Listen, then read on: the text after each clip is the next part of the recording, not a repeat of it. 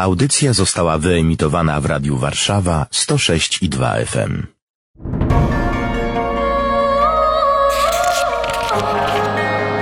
Księga. Księga. Księga. Niedzielne czytania biblijne rozważają ksiądz Łukasz Turek i Paweł Kęska. Niech będzie pochwalony Jezus Chrystus. Na wieki wieków amen. Czy kiedy ksiądz spowiada albo prowadzi takie rozmowy duchowe, wielu spotyka ksiądz ludzi, którzy czują się nikim, którzy czują się no, w piekle jakoś, którzy czują się straceni, beznadziejni, źli. Prawdę powiedziawszy, nie. Myślę, że częściej do czynienia mam z ludźmi, którzy nie rozumieją, jak wielką miłością Pan Bóg ich otacza, jak Panu Bogu na nich zależy. Czyli czują się super i to nie jest żaden problem. Dokładnie. Jak gdyby to, co się w moim życiu dzieje, nie stanowi większego problemu, ani dla mnie, ani na pewno dla Pana Boga. No to dziś będzie na ten temat, kto jest dobry, a kto zły, jaka postawa jest w porządku, jaka nie jest w porządku, to oczywiście w cudzysłowie, a zaczynamy od czytania z Księgi Syracha, rozdział 35, wersy od 12 do 14 i od 16 do 18.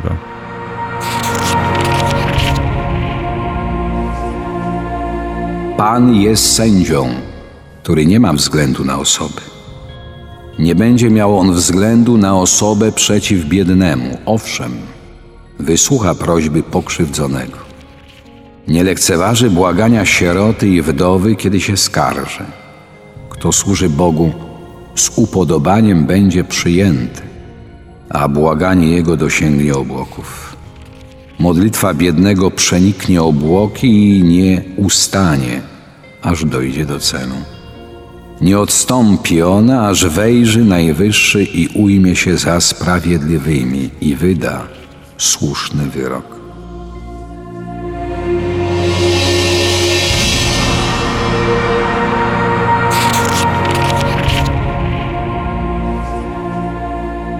Paradoksalnie, tu nie jest napisane o tym, że biedni będą zbawieni, a bogaci potępieni. Mogłoby się tak wydawać, ale napisane jest, że kto służy Bogu z upodobaniem, zostanie przyjęty, a błaganie jego dosięgnie obłoków. Inna logika tu jest niż dobre i złe. Bo tu jest logika miłości. Widać tą miłość w Panu Bogu przede wszystkim, że to jest to jest osoba, która nie ma względu na osoby. To jest sędzia, który nie ma względu na osoby. My bardzo często, kiedy patrzymy na drugiego człowieka, bardzo szybko go zaszufladkujemy i potrafimy mu wyznaczyć miejsce, prawda, i powiedzieć, że on zasługuje na to czy na tamto, ten nie zasługuje na nic. Natomiast Pan Bóg, kiedy patrzy na każdego z nas, widzi w nas swoje umiłowane stworzenie, widzi w nas swoje dzieci, widzi w nas swoje wielkie pragnienie szczęścia, które On w nas złożył i, i, i, którym chce nas obdarować. W związku z powyższym Pan Bóg walczy o nas, o każdego z nas do końca. Zależy Mu na tym tylko, żebyśmy my w naszym życiu stawali się do Niego podobni, żeby nam towarzyszyły te same pragnienia, które On pokłada w nas, żebyśmy my również zapragnęli Boga, zapragnęli otwarcia się na Niego, zapragnęli przyjęcia Go, czy ofiarowania się też Jemu. Z tym się wiąże początek tego czytania, który wcale nie jest taki prosty. Bo tu jest napisane, że Pan po pierwsze jest sędzią, czyli będzie oceniał, po drugie nie ma względu na osoby, a ja jestem osobą i co, mam się czuć przejęty, niedoceniony, czy właśnie przeciwnie? Cieszmy się tego, z tym, że jesteśmy osobami, bo Pan Bóg też jest osobą, nawet trzema osobami e, w jednej naturze e, boskiej złączonymi. I ta nasz, ten wymiar osobowy jest czymś, co podkreśla naszą godność, natomiast e, Pan Bóg nie ocenia ludzi względ, według tego, kim oni są, co posiadają, co sobą reprezentują. Czyli nie robi tego, czego my, co my przeważnie robimy na każdym kroku, po wielokroć każdego dnia, tak? kiedy patrzymy na drugiego człowieka i oceniamy go według tego, co widzimy. Kiedy czytam to czytanie, to rozumiem, że Bóg patrzy na człowieka i patrzy na niego w pewien konkretny sposób. Napisane jest, że jest sędzią, sądzi. Brzmi to groźnie. Mimo, że każdy ma godność Bożą, każdy jest stworzony do bycia z Bogiem, każdy jest stworzony do miłości, jak ksiądz mówi, ale Bóg sądzi. Jest to jedna z głównych prawd wiary, przypominających nam o tym, że Bóg jest sędzią sprawiedliwy, który za dobro wynagradza, a za zło karze. Natomiast nie jest Bóg sędzią podobnym do naszych sędziów, z którymi możemy mieć do czynienia w naszym wymiarze, prawda, karnym, prawnym. W zawiasach nie będzie wyroków. W zawiasach nie będzie wyroków. Poza tym wyroki, które Pan Bóg będzie, y, ro, będzie wykonywał względem nas i czy na naszym życiu, tak naprawdę one będą pewnym y, podsumowaniem tego wszystkiego, co my tutaj w życiu z naszym y, osiągniemy, do czego przez całe nasze, nasze życie dążymy. Y, I to Boże sądzenie nas na końcu tak naprawdę będzie dotykaniem tego, co jest w głębinach, w głębinach naszych serc ukryte. Pismo Święte nas zresztą przestrzega, żebyśmy nie sądzili przedwcześnie, zanim nie przyjdzie ten, który ujawni zamiary serc. I nawet tam jest wtedy tak ujęte, że wtedy każdy otrzyma od Boga pochwałę. Każdy otrzyma od Boga pochwałę. Znaczy, Pan Bóg patrzy na nasze serca przede wszystkim, na motywację naszych czynów, czyli na coś, na co, do, do czego my nie mamy dostępu, kiedy patrzymy się na drugiego człowieka.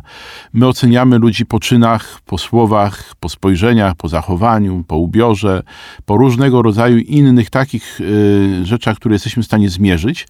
Natomiast nigdy nie mamy dostępu do głębiny serca drugiego człowieka i nie wiemy, dlaczego on tak, a nie inaczej funkcjonuje, co jest najgłębszym motywem jego, e, jego, jego wyborów, jego postaw. Nie znamy historii jego zranień, nie wiemy przez co ten człowiek przeszedł, jaką drogą został poprowadzony przez innych ludzi od momentu poczęcia swojego, prawda, kiedy zaistniał na tym świecie. To wszystko zna Pan Bóg. I to jest tak mocne tutaj słowo, które mówi o tym, że nie zlekceważy błagania sieroty ani wdowy, kiedy się skarży. Oczywiście można mówić o tym, że w Izraelu w tym czasie wdowy i sieroty to y, jednak stan, który był bardzo problematyczny, jeśli chodzi o kwestie ekonomiczne, ale patrzę na to z innej strony. Samotne błaganie człowieka, którego historii nie znam, który żyje tak, jak mi się może nie podoba, ja go nie rozumiem a być może w sercu jego jest to, że jest sierotą i to na nim wisi całe życie, albo jest e, wdową w jakimś sensie, człowiekiem porzuconym, który cierpi z braku miłości. Nie wiem tego, ale Bóg to słyszy. Bóg to słyszy i Bóg zawsze chce odpowiedzieć na to, bo to jest coś, czego wobec nas nie zamierzył to wszystko jest konsekwencja grzechu pierworodnego i wszystkich pozostałych grzechów, które od tego momentu świat, żeśmy popełnili my ludzie e, w tym świecie żyjąc. I, i to te właśnie te złe wybory, te, te, te, te nasze złe czyny, te konsekwencje tych grzechów bardzo mocno nas niszczą, wikłają i, i całe posłannictwo Jezusa, którego owoców my dzisiaj czerpiemy, zmierza do tego, żeby w nas pouzdrawiać to wszystko, co jest tak bardzo poranione. To wszystko, co z nas jest właśnie tej sieroty i wdowy, czy jeszcze jakiegoś tam innego żebraka niewidomego, który jest udręczony, który woła i potrzebuje ratunku. I Bóg przychodzi z właśnie, żeby nas wyratować z tej naszej sytuacji, wyratować nas z tego wszystkiego, co grzech w nas y, zniszczył i przywrócić nam to, co On dla nas zamierzył. Powiedziałem, że niech mnie ksiądz poprawi, jeśli błądzę, że nie będzie wyroków e, w zawiasach. Być może właśnie tak, że to my w zawiasach mamy po grzechu, prawda? Możemy mieć potępienie. Szatan też jest sędzią może nie sędzią, ale na pewno jest... E, oskarżycielem. Tak, oskarżycielem. Tak, I on nam, nam najchętniej wlepił do żywocie. I to nie w zawiasach. E, zdecydowanie. I on chce nas mieć tam, w tym swoim miejscu, w którym on sam przebywa, bo tak wybrał.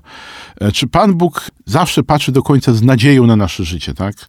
O każdego z nas walczy do ostatniego momentu naszego życia i Bóg wie, czym jest ten stan bytowania złego ducha i nie chce tego dla nas, więc więc jego wysiłki, które Bóg podejmuje względem nas, wprowadzając nas być może czasami w doświadczenia trudne, e, być może właśnie takie sieroctwo, taką biedotę, takie, takie doświadczenie zmagania, przeciwności, jakiegoś y, upadku, po to, żeby otworzyć nasze serca na łaskę, z którą do nas chce przyjść. Bo Pan Jezus zresztą to mówił, że nie potrzebują lekarza zdrowi, tylko ci, którzy się źle mają. Najgorszą sytuacją naszą jest to, kiedy my nie potrzebujemy lekarza, kiedy nam się wydaje, że my nie potrzebujemy lekarza, kiedy, kiedy żyjemy w jakiejś takiej strefie komfortu, ale wyłącznie ograniczonej do tej doczesności, do tego, co jest tu i teraz. I w takiej, w takiej przestrzeni, której w ogóle straciliśmy z oczu perspektywy wieczności i nieba i tego, że co, coś jeszcze dalej będzie po tym życiu, że o tym nie myślimy, bo, bo to może gdzieś kiedyś, ale, ale teraz jest ważniejsze to, co ja mam tutaj. No Pan Bóg wie, że nie jest ważniejsze to, co ja mam tutaj, ponieważ to, co ja mam tutaj, zmierzać ma do mojego przyjęcia tego, co będzie tam. I patrzę na moje serce, czy ono jest gotowe do przyjęcia tego, czy nie jest gotowe. Tak jest. I robi wszystko, żeby to moje serce zmienić, żeby tego serca dotknąć, żeby to serce napełnić pragnieniem miłości, pragnieniem poszukania tej miłości, bo my miłości wszyscy pragniemy. Nawet ci, którzy dzisiaj o Panu Bogu zupełnie zapomnieli i szukają tej miłości w drugim człowieku na przykład, szukają tej miłości w przyjemnościach tego świata, w różnego rodzaju dobrach materialnych to gdzieś tym wszystkim, za tym wszystkim kryje się pragnienie miłości Boga, takiej miłości bezinteresownej, miłości do końca, miłości akceptującej, którą Bóg chce nam dać. I dlatego Bóg porusza nasze serca, motywuje nas do tego, żebyśmy, e, żebyśmy z głębi serca naszego zawołali. I czasami te sytuacje właśnie takiego udręczenia, takiej biedy, takiego, takiego przytłoczenia są tymi, które y, pomagają nam wznieść nasze serca ku Panu Bogu. Najwyższy ujmie się za sprawiedliwym i wyda słuszny wyrok. Jaki słuszny? Jaki to jest wyrok słuszny i kto to jest sprawiedliwy? O tym będziemy jeszcze później rozmawiać. A teraz przeczytamy fragment z drugiego listu świętego Pawła Apostoła do Tymoteusza.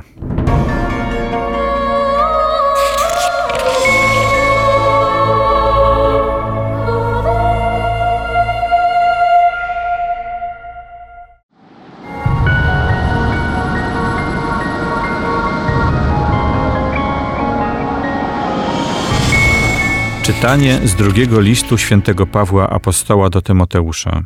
Rozdział czwarty, wersy od 6 do 9 i od 16 do 18.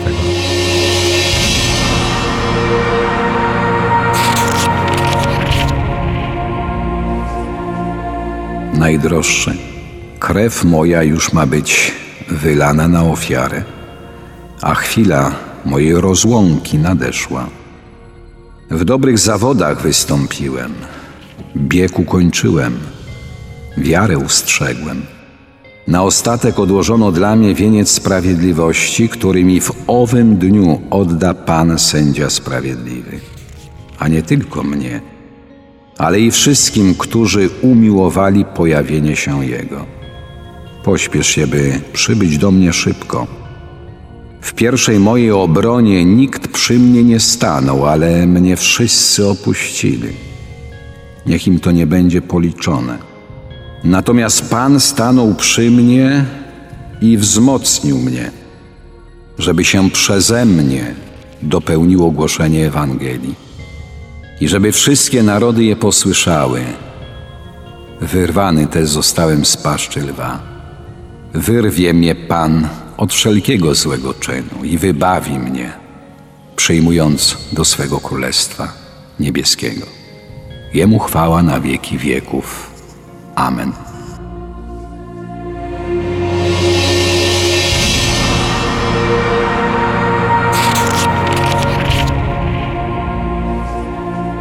Trzeba mieć świadomość, że to być może ostatnie słowa pisane przez świętego Pawła i za, nie wiem, dni czy godziny został poprowadzony na śmierć.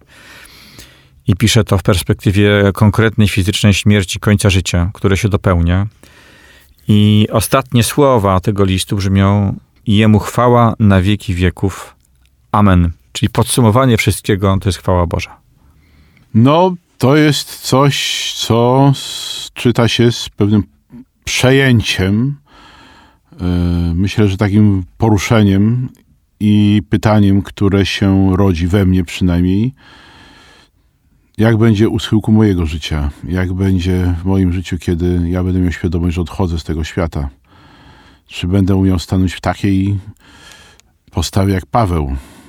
Z jednej strony jest pewien tego, że przeżył życie dobrze, z drugiej strony zdaje się na, na Jezusa, który jest sprawiedliwym sędzią, ale jest pełen ufności, pełen wiary, pełen nadziei. Tak naprawdę w tym ostatnim y, słowie potwierdza to, co już wcześniej mówił, że dla niego umrzeć to zysk. On jak związał się z Jezusem tego wydarzenia pod Damaszkiem i następnych y, lat, które przeżył, gdyby odkrywając Boga na nowo i odkrywając Jezusa Chrystusa jako Zbawiciela, rzeczywiście poszedł na serio za Chrystusem. To jest coś, y, czego ja bym chciał naprawdę do końca doświadczyć, tak, na, na wzór świętego Pawła. Ale to musiałbym się naprawdę wyzbyć tego świata. Wiem, że to jest dla mnie bardzo, ale to bardzo trudne ale on się wyzbył tego świata, wyzbył się wszelkich y, swoich własnych pragnień, namiętności. Jedynym pragnieniem jego stało się, żeby cały świat posłuch, posłyszał Ewangelię, żeby, cały, żeby każdy człowiek poznał tego Jezusa, który jemu się objawił i żeby każdy człowiek mógł doświadczyć wolności, której on sam doświadczył pod Damaszkiem. I teraz jest na granicy, jest już prawie u bram świętego Piotra, myśmy powiedzieli, i tym ostatnim słowem potwierdza konsekwentnie tą wiarę, którą, którą i to wyznanie, które już wcześniej dawał, że on chce żyć z Jezusem do końca i to jest w zasadzie jedyne, co go interesuje. A Też wszystko inne jest stratą. No właśnie, ale na czym polega ta wolność? Bo na przykład ja sam chciałbym być dobry, chciałbym być święty, chciałbym to, chciałbym tamto, to i ciągle swoje serce osądzam. I mam taki cały kodeks do osądzania swojego serca. Święty Paweł być może się tego wyzbył, może się od tego uwolnił. I jemu chwała na wieki wieków. To już niech on sobie mnie sądzi. Takiego mnie chciał, wziął, zrobiłem co mogłem. Oddaję mu wszystko, przestaję siebie też oceniać już. To jest sztuka. Siebie nie oceniać. No tak, bo to jest to, co jest nam bardzo potrzebne, o czym już wcześniej powiedziałem, że Paweł w pewnym momencie swojego życia przestał się kręcić wokół siebie a zaczął się naprawdę kręcić wokół Pana Jezusa. Interesowało go już to, czego chce Jezus, jaka jest Jego wola, jaki jest Jego plan, który go poprowadzi. Interesowało go to, żeby wszystkim innym o Panu Jezusie opowiedzieć, a to, co dotyczyło Jego, przeszłości Jego życia, on po prostu to zostawił. Nie było to dla niego na pewno proste, bo cała ta historia, prawda, prześladowania chrześcijan, bycia mordercą, bycia, bycia, bycia człowiekiem naprawdę złym i okrutnym, to niewątpliwie gdzieś tam z tyłu głowy siedziało w nim e, i być może było dodatkowym motorem do tego, żeby iść naprzód, iść za Jezusem e, i pozwolić Jezusowi na to, żeby to On w nim dokonał tego dzieła. Bo to Jezus poprowadził dalej świętego Pawła. To Jezus go zmienił. To Jezus posłużył się jego życiem, a to, co zrobił Paweł i to, co jest dla mnie osobiście bardzo trudne, to zostawił wszystko, realnie zostawił wszystko dla Jezusa i poszedł za nim, nie oglądając się na swoje własne potrzeby, na jakiekolwiek zabezpieczenia ludzkie, na opinie innych ludzi, na to, co sobie pomyślą, na to, jak mnie potraktują.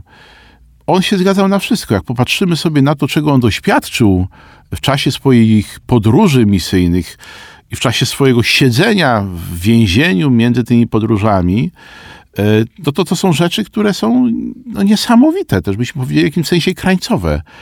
Ale on traktował to wszystko jako jeden z elementów dojrzewania do relacji z Jezusem. A no właśnie, bo to mocno brzmi, jakby z tego można wywieźć coś takiego. Mówimy o sercu. Też dzisiaj, prawda? O sercu. Na dnie mojego serca być może jest przybita do ściany kartka. Tam jest jakieś 10 przykazań. Pierwsze. E, chcę być idealny i zrobię wszystko, żeby to udowodnić. E, drugie, może na przykład być też negatywne, tak? Nikt mnie nie będzie kochał i nie pozwolę na to, tak? Trzecie, ja mam swoje. Dobra, święty Paweł też miał swoje, każdy jakieś ma.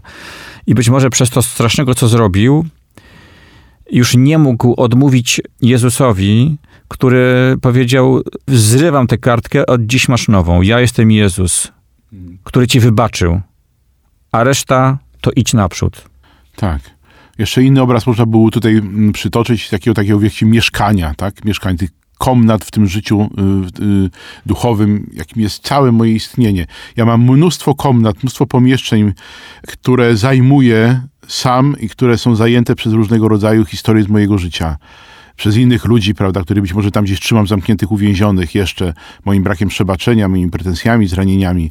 Paweł dopuścił do tego wszystkiego, co się w jego życiu wydarzyło Chrystusa do końca. W każdy zakamarek swojego życia, w swojej historii wpuścił Boga i oddał mu to wszystko i to jemu podporządkował i powiedział niejako, Panie Boże, to jest, to jest tak wyglądało to moje życie do tej pory, ja Ci to życie moje oddaję, rób z tym życiem, co chcesz, wykorzystaj to tak, jak chcesz. I Jezus to zrobił.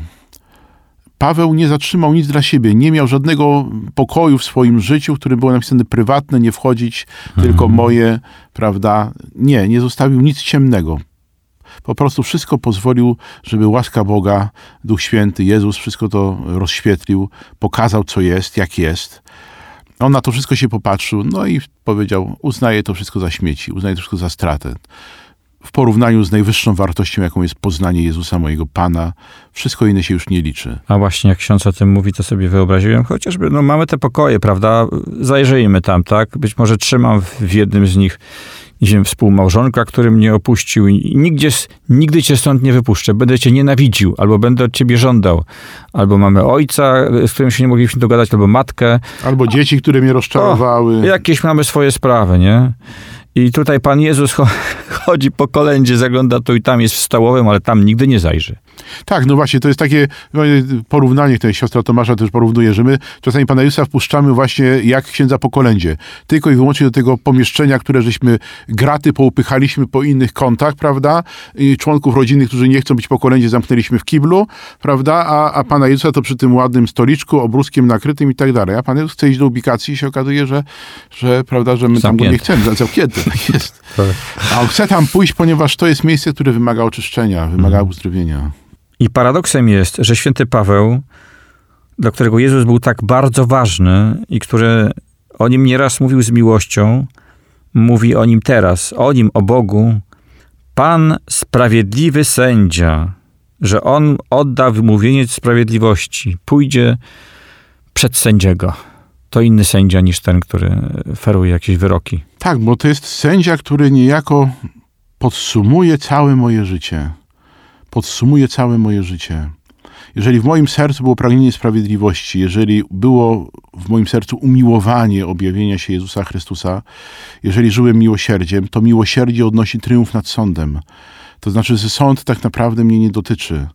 To, to Pan Jezus to bardzo mocno powiedział, tak? że właśnie to jest to, że my będziemy sądzeni z miłości. Jeżeli zdecydujemy się wejść w naszym życiu na drogę miłości i będziemy dojrzewali do miłości bezinteresownej, bezwarunkowej, przyjmując tę bezwarunkową miłość od Jezusa i się, starając się ją dawać innym, będziemy czynili innym miłosierdzie, przebaczając tak, jak nam zostało przebaczone, służąc innym, udzielając, obdarowując tak, jak ja zostałem obdarowany, dając mu siebie i swój czas, tak jak mi został ofiarowany czas jak Jezus dał mi siebie, to tak naprawdę sąd nie jest problemem.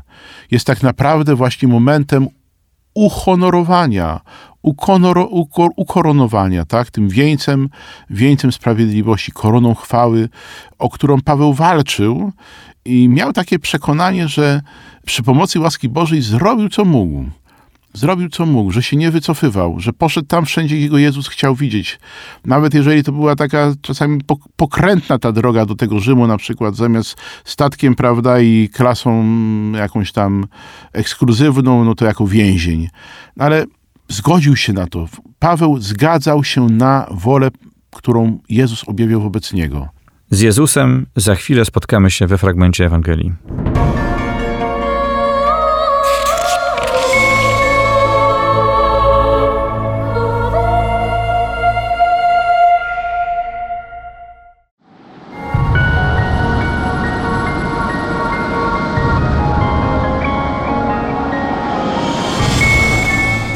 Słowa Ewangelii według świętego Łukasza, rozdział 18, wersy od 9 do 14.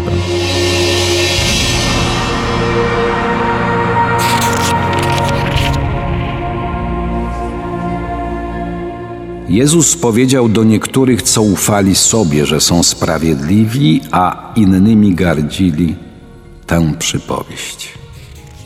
Dwóch ludzi przyszło do świątyni, żeby się modlić. Jeden faryzeusz, a drugi celnik.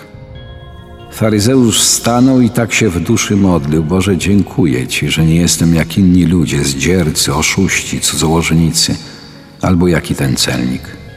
Poszczę dwa razy w tygodniu. Daję dziesięcinę ze wszystkiego, co nabywam. Natomiast celnik stał z daleka i nie śmiał nawet oczu wznieść ku niebu, lecz bił się w piersi i mówił: Boże, miej litość dla mnie grzesznika. Powiadam wam, ten odszedł do domu usprawiedliwiony, nie tamten. Każdy bowiem, kto się wywyższa, będzie poniżony, a kto się uniża, będzie wywyższony.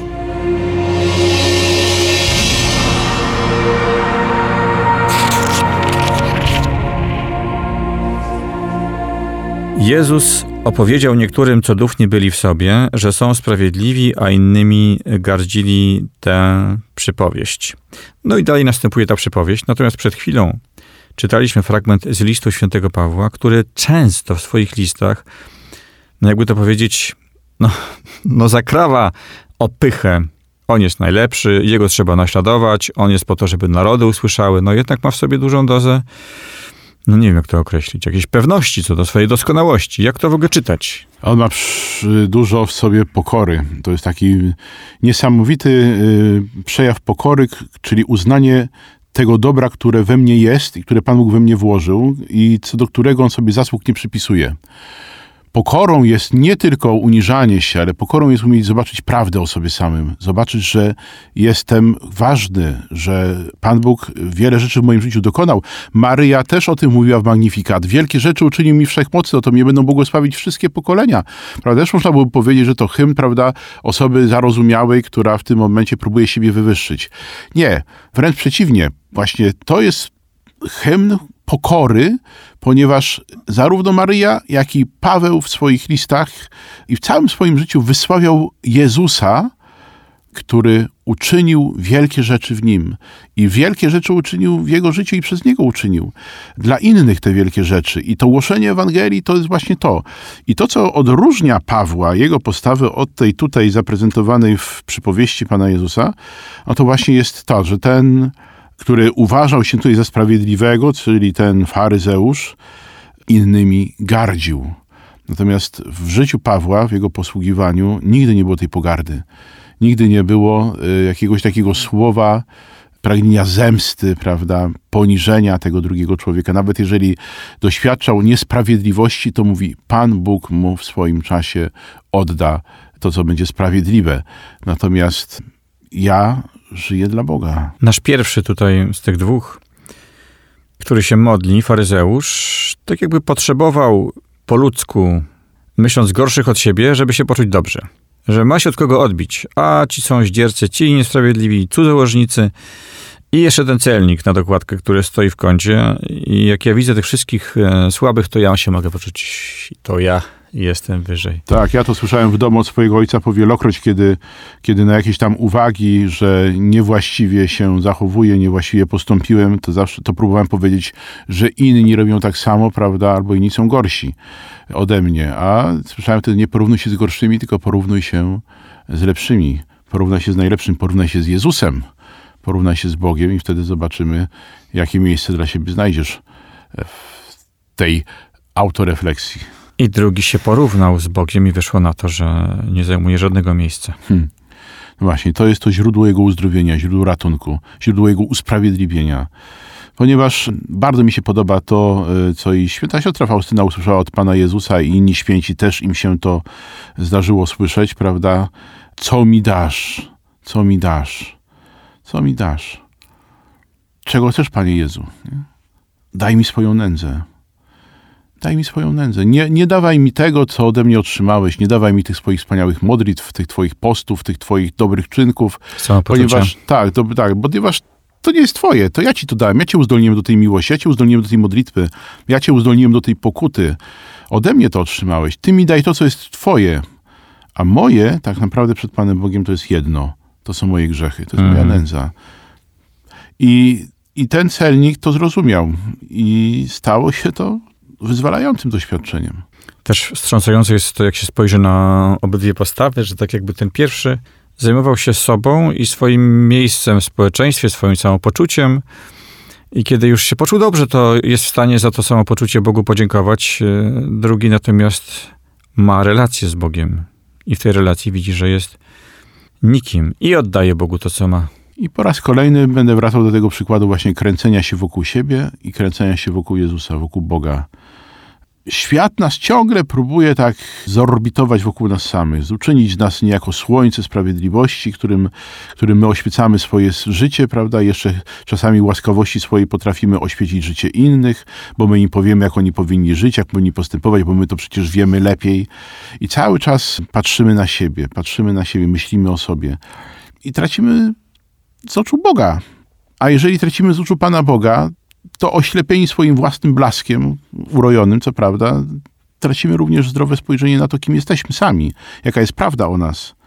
A ta prawda jest fundamentalna dla budowania relacji z Panem Bogiem i dla naszego dorastania do świętości. Sam Jezus mówił: Poznacie prawdę, to prawda was wyzwoli. On chce działać w naszych głębinach, głębinach naszych serc przez Ducha Świętego, który został nam dany między innymi po to, żeby nas przekonać o grzechu, właśnie żebyśmy my w tej prawdzie przed Panem Bogiem umieli stanąć. Prawda jest niesamowita, bo to nie jest prawda, która ma nas poniżyć, e, kiedy ja w sobie odkryję grzesznika, kiedy odkryję sobie no, taką łajzę, prawda, kiedy odkryję sobie człowieka tracącego Boże dary to nie jest coś, co ma mnie poniżyć, to jest coś, co ma mnie wywyższyć, dlatego że właśnie dla mnie Jezus stał się człowiekiem, żeby mnie z tej mojej nędzy wyzwolić, żeby mnie z niej podnieść, żeby mi przywrócić godność dziecka Bożego, obdarzyć tym właśnie, czego potrzebuję, a o co sam nie jestem w stanie zawalczyć po grzechu. To jest kwestia też, myślę sobie, pewnej skali spojrzenia, bo każdy, kto się wywyższa, będzie poniżony. No jakżeż mogę się wywyższyć? Mogę się wywyższyć kończąc studia i zyskując magisterkę, zyskując dobrą pracę, być może nawet będę dyrektorem, a nawet może prezydentem, tak? we własnych oczach i świata. Mogę też być księdzem, nawet biskupem, to się zdarza. Mhm. Wskakuje te stopnie, prawda? One są jednak ludzkie, to są wszystko ludzkie stopnie, natomiast poniżyć można się radykalnie zdecydowanie w innej skali, bo kiedy staję wobec Boga, no to mój Boże, no to no to, to jest nieskończoność. Tak. Doświadczyć tego, że Bóg jest nieskończenie wyższy ode mnie, lepszy ode mnie i udziela mi łaski, no to jest kompletny szok. No wobec tego, że ja podskoczę stopień czy trzy do góry, to w ogóle nie ma skali. Dokładnie, a zobaczmy sobie, tak patrząc się na to, co się dzieje w świecie i być może też nasze własne doświadczenia nam w tym pomogą, że kiedy my tak chcemy się za wszelką cenę wywyższyć i być zauważeni, zabłysnąć w oczach świata, w oczach innych ludzi, w mediach na przykład, to bardzo często te słowa, które wypowiadamy, czyny, które podejmujemy, decyzje, to tak naprawdę nas prawdziwie poniżają, one podrobiają nas godności, prawda? czynią, czynią z nas naprawdę taki obraz nędzy i rozpaczy, takie rozpaczliwe wysiłki, żeby, żeby być ważnym w oczach innych ludzi.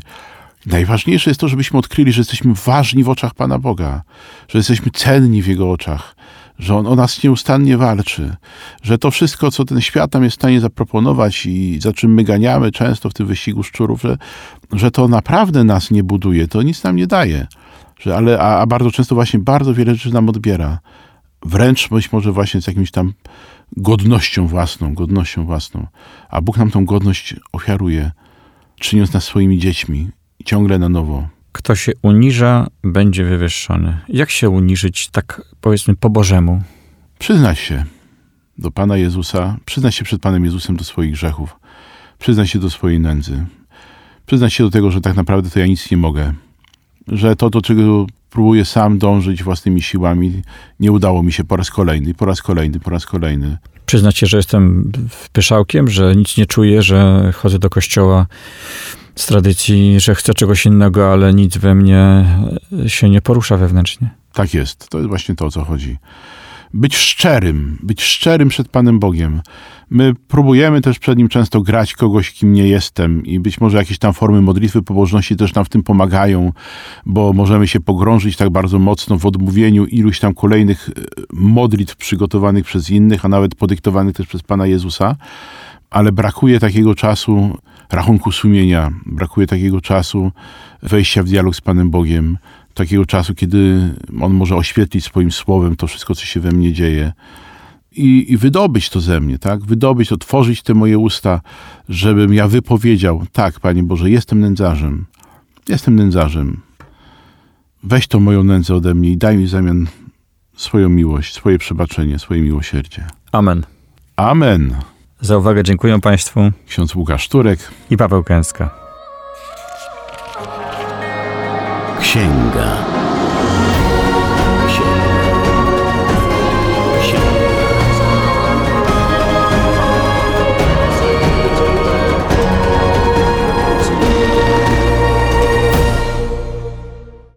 Radio Warszawa nagrywa i udostępnia nieodpłatnie audycje takie jak ta dzięki wsparciu finansowemu słuchaczy i przyjaciół. Wejdź na www.radiowarszawa.com.pl i wpłać darowiznę. Wzmocnij nasze dobre fale. Dziękujemy.